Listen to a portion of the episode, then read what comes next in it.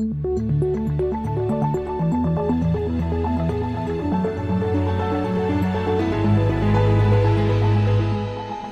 This Morning.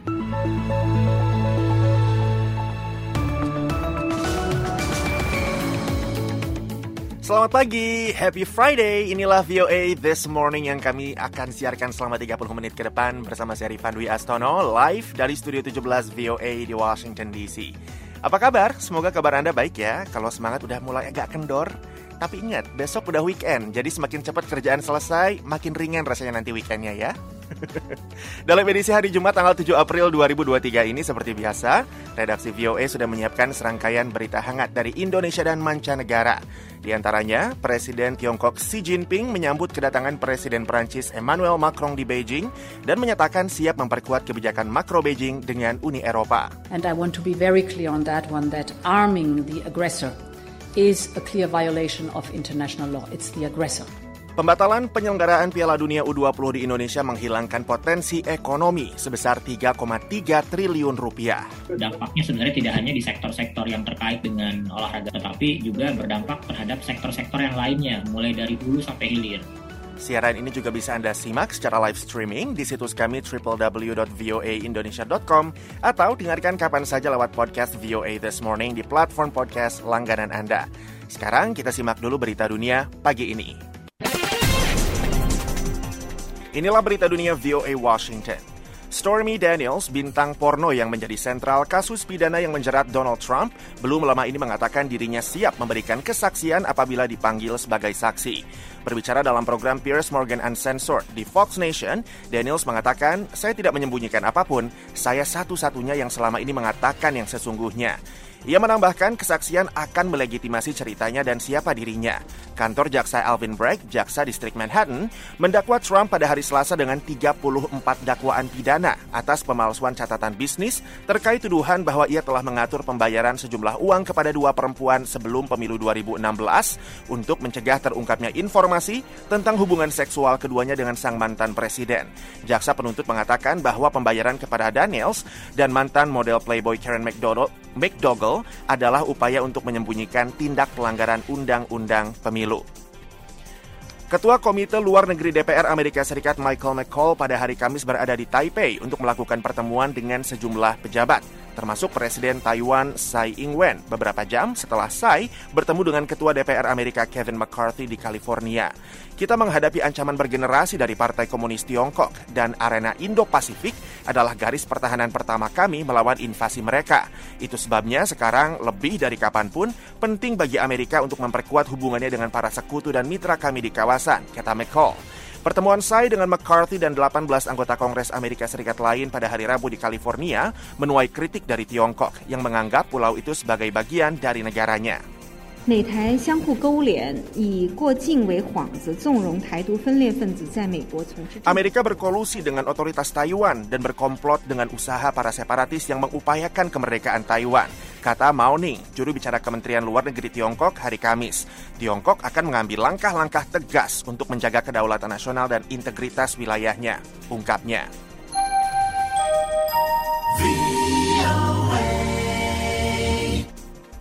Kepala WHO Tedros Adhanom Ghebreyesus mengatakan pada hari Kamis bahwa ia memperkirakan lembaganya akan mencabut status darurat COVID-19 tahun ini tanpa memberikan kerangka waktu yang lebih spesifik. Badan Kesehatan PBB itu hingga saat ini masih menyatakan COVID-19 sebagai darurat kesehatan masyarakat yang menjadi perhatian internasional selama lebih dari tiga tahun sejak penilaian awal diberikan. Dalam konferensi pers di Jenewa, Tedros juga mengatakan bahwa semua hipotesis terkait asal-usul COVID masih dipertimbangkan. Tedros juga mengulangi permohonannya kepada Tiongkok untuk membagi lebih banyak informasi. Virus itu pertama kali diidentifikasi di kota Wuhan, Tiongkok pada Desember 2019, di mana banyak pihak mencurigai pasar hewan hidup di kota itu berperan sebelum virus itu menyebar ke seluruh dunia dan membunuh hampir 7 juta jiwa hingga saat ini. Kembali ke Amerika Serikat, Amerika prihatin atas aksi kekerasan di Yerusalem, kata juru bicara Departemen Luar Negeri Amerika Vedant Patel hari Kamis.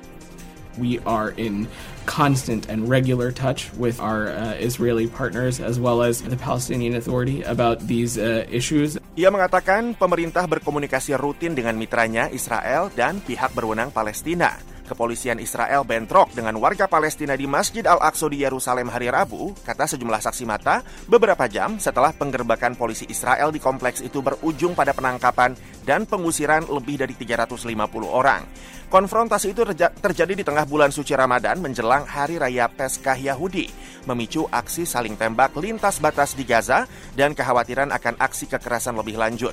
Pada hari Kamis, lebih dari 30 roket ditembakkan dari Lebanon ke Israel, kata militer Israel, di tengah meningkatnya ketegangan setelah penggerbekan di Masjid Al-Aqsa. Patel mengatakan Amerika Serikat mengutuk serangan roket dari Lebanon, yang merupakan serangan roket terbesar dari Lebanon ke Israel sejak 2006. Beralih ke Moskow, Presiden Rusia Vladimir Putin pada hari Kamis mendiskusikan masalah keamanan dan pertahanan dengan Presiden Belarus Alexander Lukashenko di Moskow. Saat berbicara pada sebuah sesi di Dewan Agung Negara Persatuan, Lukashenko mengatakan bahwa pembicaraannya dengan Putin produktif. Sebuah kesepakatan pun tercapai dalam semua isu yang dibahas. Lukashenko memperingatkan bahwa jika perlu, kami akan menggunakan semua yang kami miliki untuk melindungi negara dan rakyat kami, ujarnya. Lukashenko sudah berkuasa selama hampir 29 tahun tanpa henti menindak tegas suara oposisi dan mengandalkan bantuan Rusia untuk menopang perekonomian Belarus yang bergaya Soviet. Rusia menggunakan wilayah Belarus sebagai zona persiapan untuk menginvasi Ukraina dan menempatkan kontingen pasukan dan persenjataan di negara itu. Pengerahan senjata nuklir taktis Rusia ke Belarus membuatnya semakin dekat dengan target potensial di Ukraina dan negara-negara anggota NATO di Eropa Timur dan Tengah. Demikian berita dunia VOA Washington.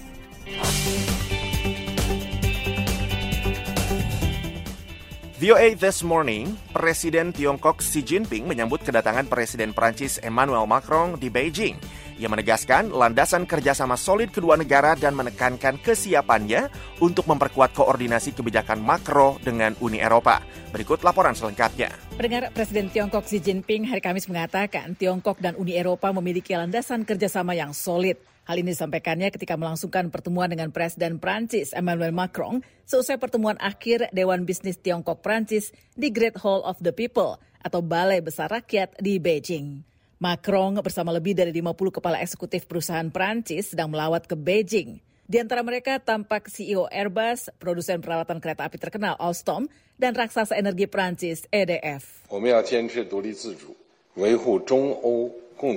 Kita harus menuntut kemerdekaan dan otonomi serta menjaga kepentingan bersama Tiongkok dan Eropa. Tiongkok dan Eropa adalah dua kekuatan utama yang mempromosikan multipolarisasi dunia. Kedua pihak memiliki kepentingan bersama dan konsensus strategis yang luas dan memiliki dasar yang kuat untuk bekerja sama. Kerjasama Tiongkok dan Uni Eropa akan berdampak langsung pada kemakmuran benua Eurasia dan stabilitas internasional. Xi menggarisbawahi komitmen pemerintahnya untuk mengembangkan hubungan Tiongkok dan Uni Eropa dengan mengatakan,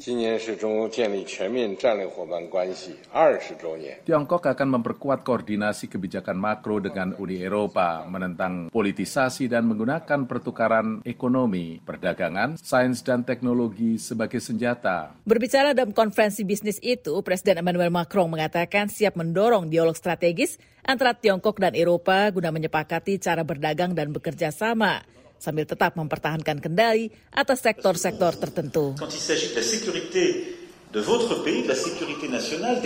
Kami ingin berdagang dengan Tiongkok, kami ingin menjalin hubungan baik, kami ingin hubungan timbal balik, tetapi secara strategis kami tetap perlu mengendalikan bagian tertentu dari rantai itu, dan karenanya akan membangun tatanan di mana kita tidak boleh menguasai seluruhnya, tetapi di sisi lain, kita sedianya juga tidak melakukan pemisahan. Sementara Presiden Komisi Eropa Ursula von der Leyen yang juga melangsungkan pertemuan dengan Xi Jinping berbicara tentang isu yang sama sekali berbeda, yaitu tentang pengiriman senjata ke Rusia. And I want to be very clear on that one that arming the aggressor is a clear violation of international law. It's the aggressor. Ia mengingatkan Tiongkok bahwa mempersenjatai agresor merupakan pelanggaran nyata hukum internasional. Dalam konferensi pers usai pertemuan itu, von der Leyen juga menyampaikan keprihatinannya pada situasi hak asasi manusia di Tiongkok, khususnya terhadap warga muslim minoritas Uighur di bagian barat laut Tiongkok. Demikian laporan tim VOA.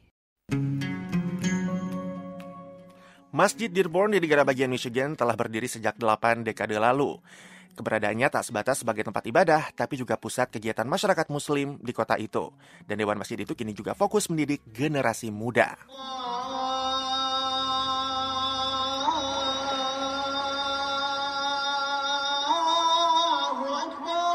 Siang ini lantunan azan berkumandang dari Masjid Dearborn American Muslim Society. Dearborn adalah satu dari sedikit kota di Amerika Serikat yang mengizinkan azan melalui pengeras suara. Ini merupakan masjid tertua di negara bagian Michigan dan salah satu yang tertua di seantero Amerika Utara.